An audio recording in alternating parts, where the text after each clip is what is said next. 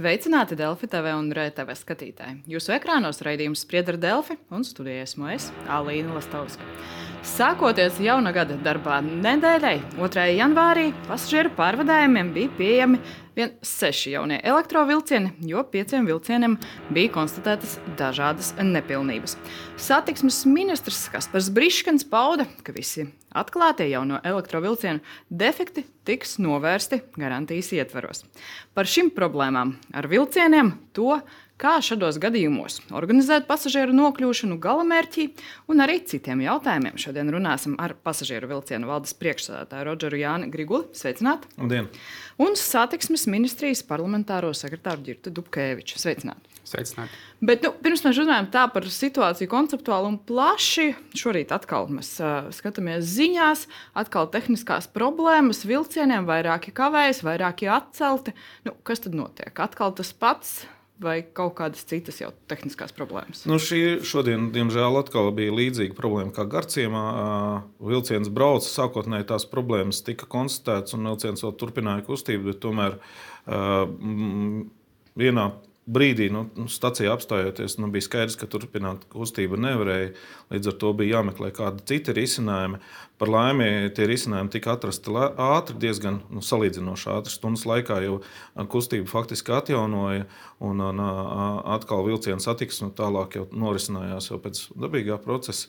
Bet nu, tas ir, tādi, ir tādi nepatīkami incidenti, un, un skaidrs, ka mēs nu, ja mēs runājam ar Skodas kā, kā ražotāju, mēs esam vilcienu lietotājs. Mums uh, svarīgākais ir pasažieri un mūsu klienti. Līdz ar to mēs ļoti pievēršam šīm uzmanību un skatāmies, nu, varbūt tomēr Skoda ir. Ātri nosertificēšanu, skatāmies, vai tur ir kaut kāda vēl papildus darba. Un, un tās sarunas liecina to, ka, nu, ja, ja vilcieni atgriežas kustībā, nu, tad mēs viņiem prasām, tomēr lūdzu nodrošiniet ar speciālistiem. Par to mēs esam vienojušies, ka viņu speciālisti arī brauks vilcienā. Nu, ja kaut kādas problēmas rodās, tad arī uh, viņu speciālisti var operatīvi tās arī novērst. Nu, tā raugoties uz priekšu, mums vēl vismaz vairākas augstās dienas uh, ir priekšā paredzētas laika apstākļu prognozes. Saka, nu, tad atkal varam gaidīt, ka būs kādas problēmas vai visi reisi. Nu, Jūs varat nezinu, solīt, ka viss tiks nodrošināts lielā mērā arī noteiktā laikā. Nu, šādu solījumu drīzāk es gribētu no Skodas sagaidīt, kad viss būs kārtībā. Mēs, protams, gatavojamies un, un, un braucam, bet, ja būs tāda pārtraukuma, nu, tad es, mēs arī izvietosim papildus informāciju. Es tomēr šāda situācija liek atminēties no varbūt veco, labo aizmirsto kārtību, ka pasažieri, ja tiek traucējumi, nu, pirmām kārtām ir vairāk par 15 minūtēm kavējās reizes, tad var, protams, atcelt un saņemt atmaksu par biļetēm, bet var arī izvēlēties citu transporta līdzekli, tā skaitā arī taksometru. Un, aizbraukt līdz savam galamērķim, nesaukt tajā stacijā, un pēc tam piestādīt jau taksometru tās izmaksas, mēs viņus kompensēsim. Un, protams, ka mēs šīs izmaksas prasīsim no Škodas. Mhm. Nu, mēs vēl parunāsim gan par tiem zaudējumiem, gan par to, kā rīkoties arī pasažieriem. Raugoties no satiksmes ministrijas, kā pāraugošas nozare, pāraugošās ministrijas, nu, tā, kā tiek risināts pašlaik problēmas, jūsuprāt, gana labi operatīvi pasažieru interesēs, vai jūs tomēr sagaidītu nu, kaut kādu arī citādāku, efektīvāku rīcību? Nē, problēmas nav risināts pietiekami operatīvi. To mēs arī esam vairāk kārt norādījuši iesaistītajām pusēm, tā skaitā attiecīgi Škodai.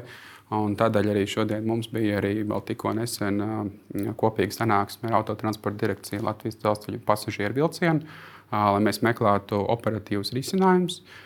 Jau vienojāmies arī par to, ko darīt tālāk, vienojāmies attiecīgi arī par termiņiem. Nav normāla situācija, ka cilvēkam minus 16 grādos jāstāv ārā augstumā un jādomā, kad nu, brauks vilciens vai kad brauks sabiedriskais nu, un, transports. Un tā situācija, ka mēs ar tādu lielu prieku, tās atklāšanas bildes, jaunie elektrovilcieni, beidzot pēc cik ilga gadiem gaidījām, gaidījām un sagaidījām. Un te mēs zinām, Latvijā ir ziema katru gadu lielā mērā. Un, nu, notiek šāda situācija. Jūs, Jā, bet, kur, kurš ir atbildīgs par to? Mhm. Ziema vai vasara, vai pavasaris vai rudens, tās problēmas noteikti līnijā ir. Un, un viņas teiksim, varētu arī būt turpmāk. Jautājums, protams, ir par to problēmu nopietnību un to operatīvitāti šīs problēmas novērst. Tas, ko es gribu pateikt, ka tā ir normāla prakse visur arī Rietumē, Eiropā. Mums, protams, pēc ilgiem gadiem šie ir pirmie vilcieni, līdz ar to noteikti ir arī šī publiskā rezonance.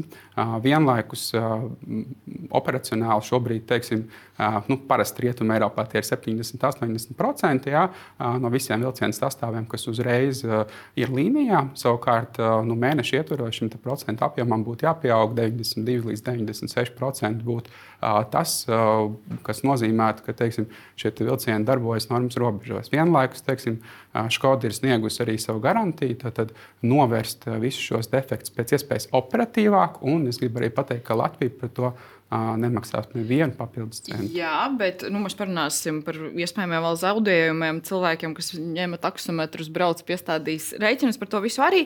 Bet kopumā, raugoties no savas perspektīvas, varēja, es nezinu, kāds ministrija, pasažieru vilciens, iepirkuma specifikācija, vēl kaut kādi jautājumi, kur mēs varējām izdarīt preventīvi, lai šādā situācijā mēs nenonāktu. Es domāju, ka mēs jau redzam, cik ilgi norisinājās šis iepirkums. Mēs redzam arī, kāda tā situācija bija, bija iepriekš, attiecīgi šos vilcienus iegādājoties. Un, protams, ka teiksim, atrisināt to situāciju, sakārtot sistēmu, ja, vairāk, nedaudz vairāk kā trīs mēnešos, principā nav iespējams. Ja. Līdz ar to attiecīgi ir jāskatās tālāk uz priekšu ko mēs varam darīt, kā mēs to situāciju varam labot. Un noteikti mēs no ministrijas puses tāpēc esam uzdevuši arī konkrētus darbus, izpildīt pēc iespējas ātrākā un operatīvākā termiņā, lai šo sistēmu beidzot arī sakārtot. No jūsu skatu punkta varējām kaut ko darīt, nu, lai tagad nav skaidrs garantija, labos škoda par savu naudu, bet, nu, lai mums nebūtu tikko iegādāti jaunie vilcieni, uzreiz arī jālabo. Nu, kā jau kolēģis minēja, no satiksmes ministrijas tās bērnu slimības tā ir ierasta praksa. Protams, kad paredzēt, vai zibens būs vai lietus, nu, to mēs nevaram. Un tad, tad izmantojam lietusargus, un tie lietusargi ir tie, tie instrumenti, kas mums ir iestrādāti līgumā, ja notiek neparedzamais, ja mēs runājam par ne, neparedzamiem apstākļiem, tad Škodai ir jānovērš noteikti laiki, kādos viņiem jānovērš. Un, protams, ka viņiem jāmaksā gan tieši izdevuma kompensācija, gan arī kompensācija par tām dīkstāvēm, ja viņi nespēja laicīgi reaģēt. Mhm. Es atgādināšu skatītājiem, ka aicinu arī viņus iesaistīties šajā diskusijā, uzdot savus jautājumus vietnē slaido.com slīpsvītra vilcieni. Mēs redzam, ka mums jau ir vairāki jautājumi, pie tiem es arī pievērsīšos nedaudz vēlāk. Bet vai pasažieru vilciens tad ir aprēķinājis, nu, cik lieli jums zaudējumus ir radījuši šīs dienas, šīs problēmas ar jauniem vilcieniem? Uh, tie zaudējumi, man liekas, joprojām tiks uzskaitīti, jo droši vien, kad ir daudz cilvēku, kas ir izmantojuši un arī piesakās uh, iz, uh, alternatīvas mm, transporta līdzekļus, vai tie ir taksometri vai kaut kāds cits transporta līdzeklis, un, un tā, tie ziņojumi mums nāk un vēl joprojām. Un, protams, ka visi, tie, visi šie tiešie izdevumi tiks apkopoti un piestādīti pēc tam Škodai kā kopējais rēķins par tiem zaudējumiem, kas ir tieši izdevumi, plus papildus vēl būs par tām dienām. Par tiem bojājumiem, nu, cik mēs redzam, lielākoties Škoda, protams, ka novērš ļoti operatīvi. Un tie bojājumi ir, daudzi no bojājumiem ir tādi, kur ir prasa varbūt īsu kaut kādu darbību, un, un vilciens var atgriezties līnijā, bet nu, skatoties kopumā uz tiem apstākļiem, mēs arvien vairāk un vairāk pievēršam tieši tam, lai, ja mēs atdodam vilcienu līnijā, nu, tad tās problēmas neatkārtotos. Mhm. Un cik liela, nu, cik daudz pasažieru skāra šīs problēmas? Varbūt tādi aptuveni aplēses jums ir. Man grūti pateikt par šī rīta, jo, protams, ka, ja viens vilciens apstājās, tas skar ne tikai vienu vilcienu, tas skar arī nākošos. Un, protams, ka ir reisi, kas ir atcelti, nu, netieši tas arī citus pasažierus skar. Nu, tā, tad tas apjoms ir diezgan liels. Nu, ja, ja skatāmies uz to sēdvietu skaitu, kas maksimālais vilcienā var būt 436 sēdvietas, nu, ja mēs pieņemam, ka pilns vai pat puspilns vilciens, nu, tas ir diezgan simtos mērāms pasažieru skaits. Mhm. Vēl viens tāds jautājums par ko mēs daudz runājam, gan Rīgas kontekstā, par to mēs mudinām cilvēkus izmantot sabiedrisko transportu, ka tas ir droši, ka tas ir lēti, ka mums visiem tas ir labi un izdevīgi. Bet nu, šādi gadījumi nu, nemazina to cilvēku uzticību jūsuprāt sabiedriskajam transportam kopumā. Jā, viennozīmīgi mazina tas, ko es gribu arī teikt un uzsvērt, ka nu, tās neērtības noteikti arī sistēmā būs kaut kādā brīdī turpmāk, kaut kur viņas var rasties. Nu, vienlaikus neērtības ir jāspēj novērst pēc iespējas operatīvāk. Un es domāju, jo operatīvāk mēs šīs neērtības novēršam, jo tieši otrādi mēs noteikti veicinām arī to cilvēku vēlmi turpmāk izmantot sabiedrisko transportu. Jo, protams, mums ir ne tikai ritošais sastāvs, mums ir arī Latvijas dzelzceļa infrastruktūra. Tur arī var būt zināmas problēmas kaut kādā brīdī noteikti. Un, tas viss jāskatās tādā kopsakarībā. Nu, vienlaikus ir jādod cilvēkiem iespēja operatīvi pārvietoties no punkta A uz punktu B. Un, ja teiksim, līnijā ir kavējumi, ir jābūt mehānismam, kas strādā, gribu uzsvērt vārdu strādā, kas var nogādāt attiecīgi šo cilvēku alternatīvā veidā uz nepieciešamo galamērķi. Līdz ar to Noteikti, ja sabiedriskais transports arī ir sistēmas mugurkauls, tad šiem risinājumiem ir jābūt, lai cilvēki pārvietotos. Šiem risinājumiem ir jābūt. Jūs sakat, pie mums bija studijā, mans kolēģis Andris Alzāns iztaujāja vienreiz satiksmes ministru. Viņš arī runāja par to, ka jābūt alternatīvām, un tas ir novembris, tagad ir janvāris, laiciņš ir pagājis, un noklausīsimies, ko viņš ir teicis. Bet ir jābūt kaut kādam risinājumam. Ja, ja es uh, nekļūdos, tad šobrīd uh, šajā līgumā starp autotransporta direkciju un pasažieru vilcienu, diemžēl, šāda veida uh, pakalpojums vai rezerves pārvadājums nav, nav plānots. Mēs Starp citu, redzam, ka analoģiska situācija mums ir arī attiecībā uz autobusu reisu atcelšanu. Kad cilvēki paliek ceļmalā, tagad iestājās ziema mīnus, tas būs vēl sāpīgāk. Uh, nav šāda algoritma, mehānisma, kādā veidā vienalga, vai tā ir autotransporta direkcija vai konkrētais pārvadātājs, kas sadarbībā ar citiem pārvadātājiem nodrošina šāda veida rezerves uh, pārvadājumu. Nav mehānisma, novembrī to ministrs teica, un joprojām mēs esam turpat. Nu, tas noteikti, kas ir jādara šobrīd un ko mēs arī darām. Tad, šodien no rīta mums arī bija ārkārtas sanāksme ar autotransporta direkciju Latvijas dzelzceļa un pasažieru vilcienu, lai meklētu šos risinājumus. Jo, protams, skaidrs, ka risinājumi var būt vairāki. Var tikt izmantots rezerves vilciens, var tikt izmantot rezerves autobusu, taksometri, var būt citas dažādas iespējas, bet šīs iespējas noteikti ir pēc iespējas operatīvāk jāmeklē. Un, protams, ņemot vērā tās sistēmas nepilnības ar jauno rītošo sastāvu, no šī problēma kļūst ar vien aktuālāka. Bet es gribētu arī norādīt, ka te jau nav runa arī tikai par satiksmi ar, ar vilcienu, ja izmantojot šo vilcienu transportu. Mēs runājam arī par reģionāliem pārvadātājiem. Tāpēc arī ir uzdots arī autotransporta direkcijai šo visu skatīties kopumā. Tāpēc arī tā mūsu doma ir skatīties uz nozari plašāk. Tā, es saprotu, ka tas laikam jautājums drīzāk Briškungam nekā jums, bet jūs strādājat kopā vienā komandā. Nu, ja viņš novembrī saprata, ka ir šāda problēma, ka ir arī autobusu reisi, kas tiek atcelti, ka jādomā par sistēmu, kāpēc autotransporta direkcija uzdodas tagad, nevis novembrī. Ne, Nevis vēl agrāk. Protams, autotransporta direkcija meklēja aktīvu risinājumus. Vienlaikus, attiecīgi, tā aktivitāte nav bijusi pārlieku iepriecinoša. Līdz ar to, protams, arī mēs uh, tuvākajā laikā nāksim klajā ar šiem risinājumiem. Tad, tad arī uh, pirmdien būs uh, uh jau skaidrs uh, iekšējs mehānisms, kā uh, šīs situācijas risināt. Tad pirmdien tas mehānisms tiks izveidots un Protams, sāks jau arī darboties viņš tiks izveidots un operatīvi mēs mēģināsim arī viņu sākt darbināt. Protams, jā, nav normāla situācija tāda, kā tā ir šobrīd. Kā jums šķiet, varējām tikt agrāk līdz kaut kādam risinājumam attiecībā tieši uz pasažieriem? Nu, vienmēr jau var skatīties kaut kādus labākus risinājumus. Mēs, protams, esam, mums ir noslēgta līguma pārvadātājiem.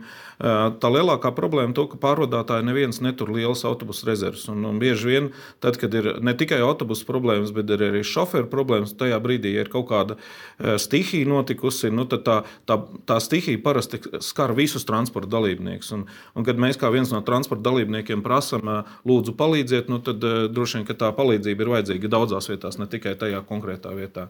Eh, bet eh, Tāpēc ir tie, tie mehānismi jau ir izstrādāti ministra kabineta noteikumos, jau to, ka pasažieris pats var izvēlēties savas alternatīvas. Nu, ir, var bolt drive vai, vai taksi paņemt. Nu, nu, tās alternatīvas ir. Protams, ka tās ir pašam pas, pasažierim ir eh, jāizmanto caur nu, saviem rīkiem, bet nu, tālāk jau mēs viņus tiek, tiek kompensēts. Mēs tad sāksim pāriet pie skatītāju jautājumiem. Viens no tādiem ir, cik ilgā laikā šādi izdevumi par taksometru tiktu atdoti, ja nu, nav katram lieki 20 eiro, lai nu, nekurienes tiktu uz Rīgu. 20 eiro vēl ļoti optimistiski pie šodienas uh, taksometru problēmām arī. Cik ilgā laikā tās kompensācijas tika dotas? Zinām, vai nevaram pateikt? Nu, mums, ir, mums ir mehānisms, kā mums jāiesniedz dokumenti. Tad, kad dokumenti ir pamatoju, pamatojuši ies, iesniegti, tad mums ir komisija un tad tiek operatīvi izskatīti. Un, nu, tas nav, mēs nerunājam par mēnešiem, tas ir dienas. Tas, uh, un vēl viens jautājums uzreiz, ja mēs sākam runāt par taksometriem. Labi, Rīgas ietvaros varbūt tas vēl strādā, ja cilvēks kaut kur tālu tālāk, kaut kādas, nu, ne gluži nekurienes vidū, bet nu, nu kur nu, ir grūtāk tikt pie jā, taksometra. Nu, ir, ir bijuši arī atsevišķi gadījumi, kad arī no Daugopils ir braukuši ar taksometru uz Rīgu, protams. Tas strādā labi. Jā, es vienkārši gribētu pieminēt, arī, ka taksometrs jau, protams, ir viena no tā op tām opcijām, kas ir. Bet vienlaikus tā nav primāra opcija. Primāri jau teiksim, būtu jānodrošina šis alternatīvais transporta veids pēc iespējas operatīvākā laika nogriezienī. Tas ir arī tas, pie kā mēs attiecīgi šobrīd strādājam. Es, protams, gribu arī atvainoties visiem pasažieriem ja, par nērtībām. Uh, nu, vienlaikus noteikti uzlabojot infrastruktūru un mūsu rītošo sastāvu nērtības uh, šobrīd būs. Bet nu, ilgtermiņā noteikti mēs iegūsim jaunus, modernus vilcienus. Nu, mēs ceram, ka nu, mēs iegūsim gan uh, jaunus, modernus vilcienus, to mēs gaidām jau kādu laiku. Tad arī, kad viss strādās un visi brauks, protams. Bet nu, pašlaik, ja mēs arī uh, atgriežamies pie, pie tā, ko arī teica ministrs, mēs varam parādīt viņa tvītu, ko jūs pieminējāt par autotransporta direkciju. Tad vienota tiešsaistes datu bāze, sinhrona komunikācija un alternatīva transporta risinājumi. Nu, tie trīs punkti uh, pasažieru vilcienu ieskatā. Nu, tiešām jūs teicāt, ja kaut kas notiek, parasti tas transports ir vajadzīgs vairākās vietās, nu, tas strādās. Nu, no praktiskā viedokļa. Nu, es domāju, ka tie ļoti pragmatiski punkti ir. Tā, tas mums arī diskusijas rezultāts faktiski bija, kas radās. Nu, kad skaidrs, ka pirmais punkts ir tā informācija sadrumstalot, un, un bieži vien pats, pats grūtākais ir dzelzceļa infrastruktūrā, kur ir vienas liežas ceļi, nosaka dzelzceļš. Mums ir vajadzīga prognozētība. Un, lai sniegtu tālāk informāciju, sniegtu pasažieriem informāciju, ir jābūt saprotams, nu, cik ātri. Jo tie gadījumi ir ļoti dažādi. Jā, ja pieņemsim, koks ir nogāzies meža vidū, nu skaidrs, ka mēs neko nevaram. Mēs nevaram pateikt, nekurā brīdī mēs aizbrauksim. Mums ir nepieciešams, lai dzelzceļš atsūta palīdzības vilcienu, kas nozāģē un aizved projām. Līdz ar to šāda tiešsaites datu bāze palīdzēs vismaz tam informācijas kopumam. Nu, operatīvi mm, varbūt tos lēmumus pieņemt un, un, novadīt līdz tiem, tiem pasažieriem, nu, kuriem, man liekas, ir pats svarīgākais, par kuriem mēs vairāk jārūpējas. Un ko jūs teicāt par tiem termiņiem? Par pirmdienu tie termiņi ir at, visiem tiem trim punktiem, laikam, ir atšķirīgi, vai tie visi Tas vis, visam ir termiņš viens.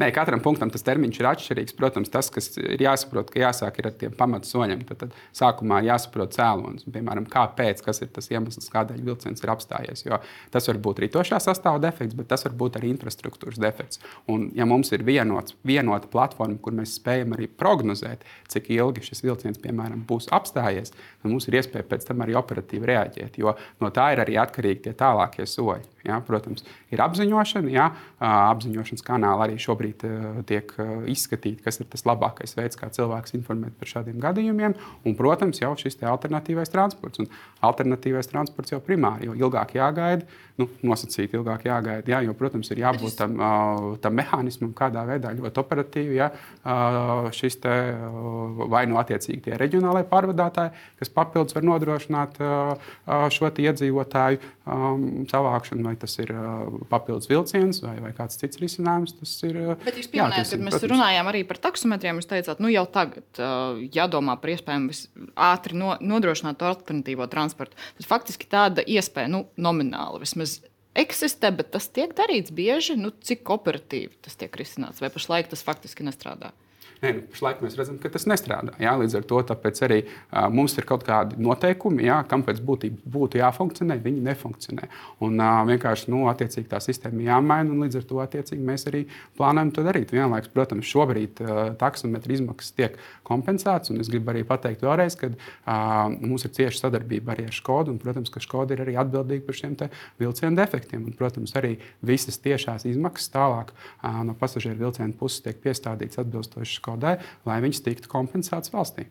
Runājot par kompensācijām, varam atgriezties pie skatītāju jautājums. Nu, tur ir tāds, vai cilvēks nokavējot darbu vai ārsta vizīti vilciena kavējuma dēļ, var pieteikties arī kompensācijai. Vai šādas lietas, nezinu, plānveida kaut kādas ārstniecības pakalpojumu, kaut kādas citas lietas, kas, nu, kur cilvēks netika satiksmes dēļ, var arī pieprasīt. Nu, Ministrs kabinets nosaka, noteikumi nosaka, tur ir precīzi par zaudējumiem. Faktiski tikai zaudējumus var pieteikt. Nu, tur ne, ne, neiegūto peļņu vai kaut kādas tādas lietas, protams, ka nevar. Tā kā es teiktu, tie gadījumi droši vien ir daudz dažādi, ko mēs parasti kompensējam, ir tā, tās ir transporta izmaksas. Nu, tie ir tie tiešie zaudējumi, lai nokļūtu līdz galamērķim, kur ir nepieciešams un, un kur šie vilcieni vai nu, šajā gadījumā sabiedriskā transporta kaut kādi kavējumi ir neļāvuši nokļūt laikā. Nu, faktiski citi izdevumi nekādi nav paredzēti. Nu, mēs neesam ar tādiem saskatī, saskārušies, varbūt tik daudz, bet uh, jebkurā gadījumā, protams, ka varēs katru gadījumu izvērtēt individuāli. Tad, ja cilvēkam ir kaut kas būtisks, uh, nokavēts vai kaut kāda vēl papildu zaudējuma, viņš var mēģināt rakstīt jums, piemēram, ja tas bija vilciens, rakstīt sūdzību un skaidrot to situāciju. Mums arī raksta un, un, un, un bieži vien pieprasa arī morālās kompensācijas vairāk tūkstošu apmērā par to, ka tur vilciens ir kavējis. Uh, šādas morālās kompensācijas viennozīmīgi netiek maksātas, bet, ja ir kaut kādi kādi konkrēti gadījumi, tad, protams, mēs viņus visus izskatām un tad arī sniedzam atbildi. Uh mhm. -huh. Ja mēs raugamies uz nākotni, būs vēl jaunie vilcieni, kā jūs vairāk kārt minējāt, vai varam būt droši, ka tie darbosies, vai tur arī, kā jūs minējāt, tas ir normāli, ka sākumā kaut kādas problēmas rodas? Škoda piegādājot, garantē, ka šie vilcieni faktiski ir operacionāli. Protams, kā jau es minēju, tad pašā sākumā ir šīs problēmas, bet šie defekti, kas tiek atklāti, kur ir daudz un dažādi viņi tiek novērsti attiecīgi, un viņi tiek novērsti arī jaunajos vilcienos, tā skaitā. Attiecīgi. Protams, ka teiksim, defektēts vilciens uz Latviju neviens nesūta. Ja? Tāpēc nu, nav pamata uzskatīt, ka tādi paši defekti būs arī tajos vilcienos, ko Škoda šobrīd sūtīs. Attiecīgi pie mums viņi jau tiks novērsti, un, protams, viņiem šie defekti vispār kopumā ir jānovērš 24 stundu laikā. Defekti arī ir iedalīti vairākās klasēs, ja? un, un, protams, nu, tā, tā būtiskākā klase arī ir šis A defekts, nu, vilciens faktiski nekursē vai nav iespēja tālāk braukt. Ja. Tā kā... Bet pēc šiem, nu, šīm problēmām, ar ko mēs saskarāmies, būs vēl kaut kāda nezinu, papildu pārbaudas jauniem vilcieniem, kas vēl nav piegādāti. Tas tiks nodrošināts. Uh, nu, jebkurā gadījumā visiem vilcieniem ir jāatbilst un jābūt certificētiem. Nu, tātad viņiem pirmkārt ir atbilstība tipam, un atbilstība tipam tiek pārbaudīta. Tālāk jau pieņemšanas procesā mēs pārbaudām arī nu, atbilstību visām mūsu tehniskām specifikācijām. Ņemot vērā šīs mācības stundas, kas ir tagad izgājušas, mēs jau varam redzēt, varbūt ir kur vēl papildus atsevišķiem defektiem, kas ir bijuši uz iepriekšējiem vilcieniem, kuriem būtu jāpievērš uzmanība. Un tajā brīdī, tad, kad notiek pieņemšanas process, mēs varam pievērst uzmanību un skatīties, vai tur tie defekti ir novērsti vai nav novērsti. Nu, tagad, raugoties uz tiem jaunajiem vilcieniem, ko mēs vēl sagaidām, jūs vairāk tāds priecīgs par to, ka būs jaunie vilcieni, vai ar bažām raugoties uz to, ka būs atkal varbūt jāsaskarās ar problēmām? Tā piesardzīgi prie, priecīgs. Jā. Priecīgs, protams, ka jauni vilcieni, jo uh, vecie vilcieni nu, mums diezgan uh, dārgi izmaksā gan eksploatācijā, jo viņi ir. Uh, nu, nu, tās rezerves daļas ir eh, diezgan sarežģīti iegūt. Un, un, un, un jaunie vilcieni, protams, kad eh, sākotnējā posmā tās apkopes ir ļoti maz eh, nepieciešams un viņi faktiski nu, tikai jā, jāpatīra. Un, nu, tas ir kā jauna mašīna pret vecu mašīnu. Tur ir skaidrs. Bet vienlaicīgi jāpievērš uzmanība, un to mēs arī darīsim. Stingri sekosim, lai Škoda piegādā augstākām kvalitātes prasībām. Mēs sākam runāt arī par garantijas remontiem. Un viens no jautājumiem arī skatītājiem, ja vilcienam ir defekti akumulātoros, vai šos defektus gadus, tad garantijas uh, ietveros ir iespējams novērst to 24 stundu laikā, faktiski, vai tās rezerves daļas ir uz vietas, kas ir nepieciešamas. Jā, nu, Nē, nu, tas, ko noteikti ir vērts minēt, teiksim, ja šie defekti netiek novērsti 24 stundu laikā, tad arī Skoda attiecīgi viņiem iestājas līgumsodu un šīs sankcijas. Un līdz ar to noteikti viņi nav ieinteresēti šos defektus nenovērst. Tāpēc arī viena no tām lietām, ko mēs pārunājam ar Skodas vadību, viņi ir gatavi sūtīt papildus cilvēkus arī attiecīgi pie mums, lai šos defektus pēc iespējas operatīvāk novērstu, nodrošināt arī visus nepieciešamos resursus, lai, lai arī apmācītu mūsu mašīnists vēl papildus jā, šo krīzes komunikāciju nodrošinot. Tur ir virkni vesela, veselas lietas, kuras, ko faktiski Škoda ir gatava nodrošināt. Tāpēc es gribu teikt, ka nav jau tā, ka viņi ir, ir ieinteresēti kaut kādā veidā tos procesus vilcināt. Nē, tieši otrādi viņi ir ieinteresēti pēc iespējas ātrāk un operatīvāk šīs problēmas novērst. Ja? Protams, Igaunijā ir bijuši gadījumi arī, kad ir nepieciešama šī vilciena resertifikācija pēc būtības. Ja? Nu, vienlaikus šobrīd tiek vērtēti visi defekti un, un Škodas komanda aktīvi strādā. To, protams, ir viņu atbildība attiecībā uz vilciena tehnisko stāvokli. Ja? Mēs šobrīd viņus operējam līnijā, un, un, un kā jau minēju, tie defekti šobrīd ir, bet viņi attiecīgi tiek novērsti. Un, jāsaka, godīgi, no Škodas puses ir, ir, ir, ir jūtama pretīm nākšana, kad viņi mēģina pēc iespējas operatīvāk šos defektus novērst, lai vilcieni būtu darbspējīgi. Jūs pēc tās vakardienas sarunas ar Škodas pārstāvjiem arī varat piekrist, ka pretimnākšana un vēlme iespējami ātri visu risināt, tad arī jums radās tāds iespējas. Nu jā, tā nevēlēšanās viņiem vienkārši ļoti dārgi maksās. Es domāju, ka tur ir skaidrs, ka viņiem ir jādara viss, bet mūsu līguma ietvaros Tad, kad piegādāja vilcienus, ne tikai vilcieni, bija arī 5 gadu rezerves daļas fonds. Ja ir kaut kāds negadījums, arī to rezerves daļas fonds un, un aprīkojums. Līdz ar to tajā brīdī, tad, kad Škoda jau piegādāja vilcienus, viņi skaidri apzinājās, ka viņiem būs garantijas periods un viņiem būs ne tikai jāpiegādā vilcieni, bet viņiem ir jābūt tam rezerves daļām, kuras izmantot operacionāli. Protams, ka šobrīd arī jau tiek piegādāts 21. vilciens uz Latviju, nu, tad viņi jau var atsevišķas rezerves daļas paņemt no viena vilciena, lai nodrošinātu galveno galvenais - ātri palaist tos vilcienus, tie, kas mums ir piegādāti. Tā ir viņa atbildība, un mēs, uz, mēs tam arī sekojam, lai viņi kā ražotājs savas saistības pilnībā pildītu. Un tad vēlreiz mēs varam pateikt, ka nu, ne pasažieru vilcienam, ne budžetam šīs problēmas, kas, ar ko saskarās pēdējā laikā, vilcieni neko mums nemaksās. Visus seks, arī visas kompensācijas un vispārējo. Mums tas noteikti neko nemaksās. Jā tad visus škodas atbildību. Uh, nedaudz atgriežoties uh, pie skatītāju jautājumiem. Nu, Piemēram, tāds arī par kompensācijām. Kādēļ atceltajām reisēm elektroniski iegādātās biļetes lietotnē vai mājaslapā nevar atmaksāt automātiski uz to maksāšanas līdzekli, ar kuru biļeti nopirkta? Nu, tie ir droši vien tehniski risinājumi, par to mēs varētu domāt. Mums, protams, ir plānota attīstība arī uh, mūsu aplikācijai. Skatīsimies arī šo. Iespējams, ka arī tās pašas kompensācijas, nu, kā zinām, un, kad apdrošināšana atver vaļā, nofotografē to čeku. Un, un tas, tā tās iestrādes mums ir, idejas ir, jā, bet uh, nu, tas prasa tomēr laiku, lai viņas ieviestu. Bet arī nu, pie tā, pie, pie lietotnes pasažieru ērtībām, arī citos, ne tikai kontekstā ar vilcieniem, vēl domāsiet un, un strādāsiet. Nu, ne tikai domāsim, mēs jau esam domājuši un strādājam, bet, protams, ka eh, tas kat, katra tā tehnoloģiskais risinājums prasa eh, kaut kādas iestrādes. Mhm. Eh, vēl tādi plašāks, vispārīgāks jautājums arī no skatītāja, kāpēc netiek saskaņoti vilcienu un autobusu satiksme, nu, lai tie kursi kursētu pamīšus un nodrošinātu vienmērīgāku transporta pārklājumu. Nu, tas ir tas, par ko mēs arī uh, ilgi domājam, ilgi diskutējam, vai jūsuprāt, šajā jautājumā esam virzījušies uz priekšu.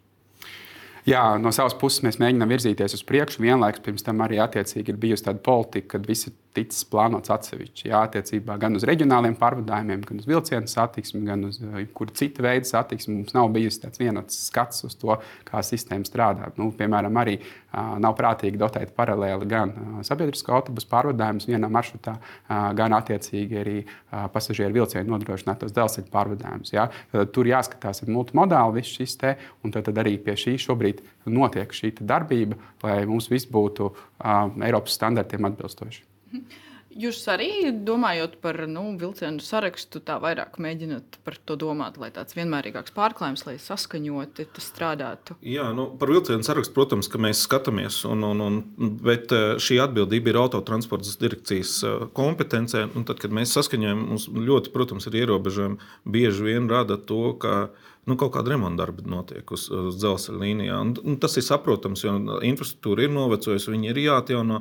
Un, un bieži vien, tad, kad tie remonta darbi notiekās, tad arī tiek mainīti kaut kādi grafiki un tie kavējumi. Un tad arī veidojas varbūt tās nesaskaņas ar sabiedrisko autobusu. Mhm.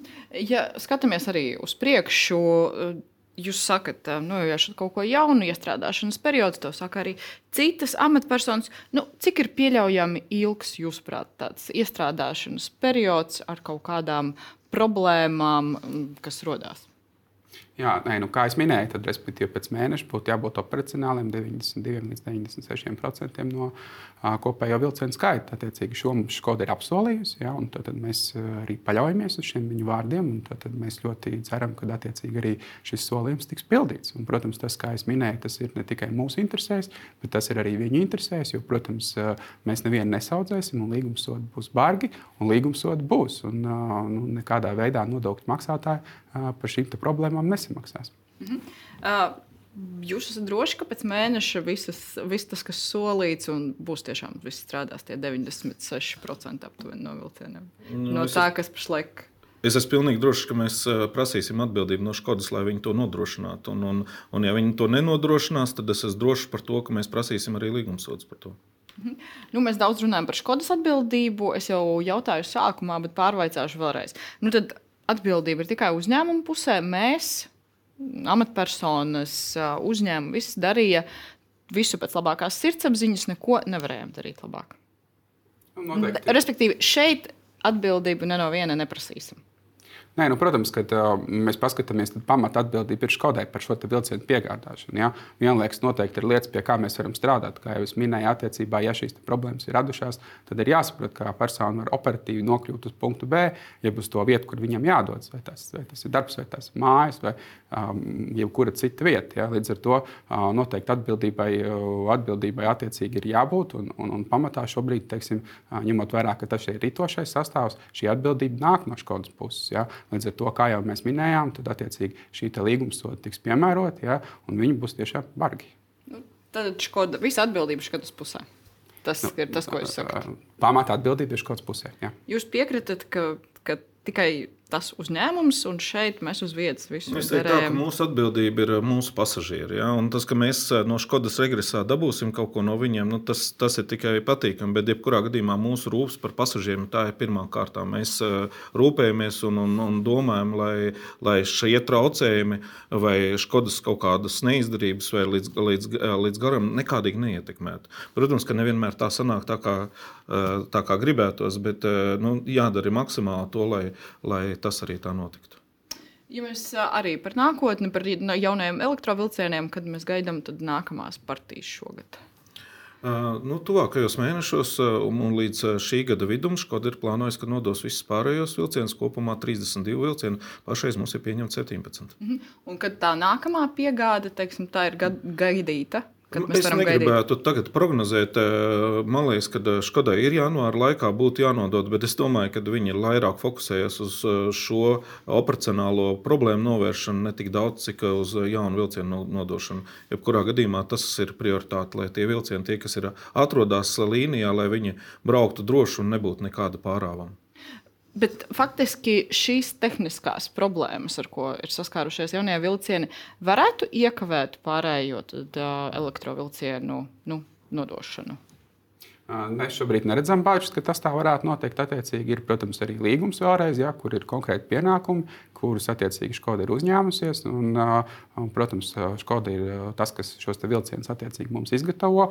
Lielā mērā, protams, tas ir atkarīgs no viņa. Kā kurā normālā situācijā mēs esam pasūtītājs, vienlaikus ar saviem instrumentiem mēs attiecīgi pēc iespējas operatīvāk mēģinam kaut kādā veidā risināt šos jautājumus, ja mēs jūtam, ka tās problēmas ir. Tādēļ arī attiecīgi bijām gan Ostravā pirms kāda laika, arī attiecīgi šobrīd ļoti aktīvi esam komunikācijā ar viņiem. Noteikti tas attiecīgi palīdz arī šīs mūsu problēmas prioritizēt un nodrošināt tieši to, ka mūsu pasažieri saņem šos vilcienus un mēs tiekam pie jauniem, skaistiem pasažieriem. Bet, jebkurā gadījumā, tajā sarunā, kas notika vakar vai kaut kādā citā veidā, viņi nav signalizējuši par iespējamiem kavējumiem. Nē, viņi pagaidām nav. Protams, ka disciplīnu mēs no viņiem prasīsim. Nākošā nedēļā viņi arī šeit, Latvijā, saprotot situācijas nopietnību, nu, kā, uh, mums tie operatīvie jautājumi visu laiku tiek risināti. Vēl viens jautājums ārpus jauniem vilcieniem ir jaunie peroni, par ko arī runāja iepriekš. Satiksmes ministrs par to, ka tie darbi ir iekavējušies. Nu, cik ātri tur mēs varētu virzīties, kad teiktu, ka darbs ir izdarīts? Jā, negribētu nosaukt šobrīd konkrētus termiņus. Vienlaikus nu, noteikti mēģināsim virzīties pēc iespējas operatīvāk. Ja? Tās jau bija lietas, kas faktiski netika izdarītas arī līdz šim. Tad nu, mēs mēģinām nospraust mērķus un kaut kādā formā arī šo procesu virzīt operatīvi uz priekšu. Jo viennozīmīgi, ja būtu jaunie peroni, ja būtu jaunās izziņošanas sistēmas, ja būtu pieejami monitori, ja būtu iespējams informēt arī pasažierus. Jo tieši arī pasažieru informēšana, manuprāt, arī ir viena no lielākajām problēmām, ko mēs šobrīd saskaramies. Ja? Tāpēc arī ir viens no tiem uzstādījumiem, ka mums ir jāsaprot, kā informēt un kā maksimāli plaši uh, šo informāciju izplatīt uh, iedzīvotājiem, kas pārvietojas sabiedrisko transportu. Jā, par to arī raksta skatītāji, ka viena no problēmām ir tā, ka nav saulaicīgi zināms par kavējumiem, vai ir iespējama kaut kāda operatīva apziņošana vēl par kavēšanos. Skaidrs ir sociālajie mēdīji. Nu, jūs sakat, nav tie ekrāni iespējami, kamēr mm. nav jaunie peroni, bet par kaut kādiem risinājumiem vēl varam domāt, vai tehniski iespēja, teiksim, nu, tā nav.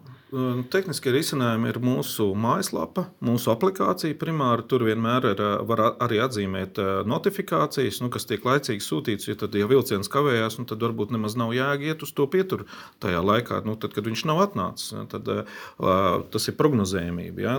Es ieteiktu visiem ielādēt mūsu uh, aplikācijas. Protams, ka mums ir 24, 7 mūsu telefona numurs un e-punkts, kurā var arī šo informāciju papildus iegūt. Bet tas, par ko cilvēki ir runā sociālajos mēdījos, nu, gadījumā, ja tu esi vilcienā un notikušas kaut kādas tehniskās problēmas, cilvēki, kur ir tajā vilcienā, nu, kurš apziņo viņus?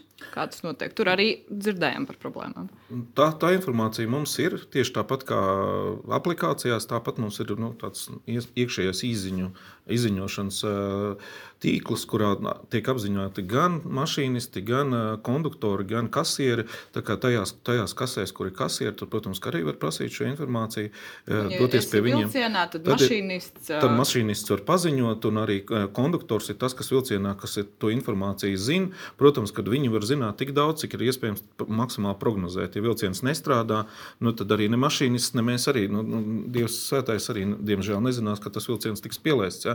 Bet eh, nu, tās prognozes mēs pēc labākās gribas taisam, un ja, ja, ja ir kaut kāda jaunāka informācija, nu, tad tā tiek nodīta visiem tiem dalībniekiem. Skaidrs eh, par šiem, paldies par šiem atbildēm. Noteikti sekosim līdzi, kā situācija tad risināsies, kad būs jaunie vilcieni un kā tie brauks. Paldies jums par šo sarunu. Paldies jums, ka skatījāties un uz tikšanos jau drīz.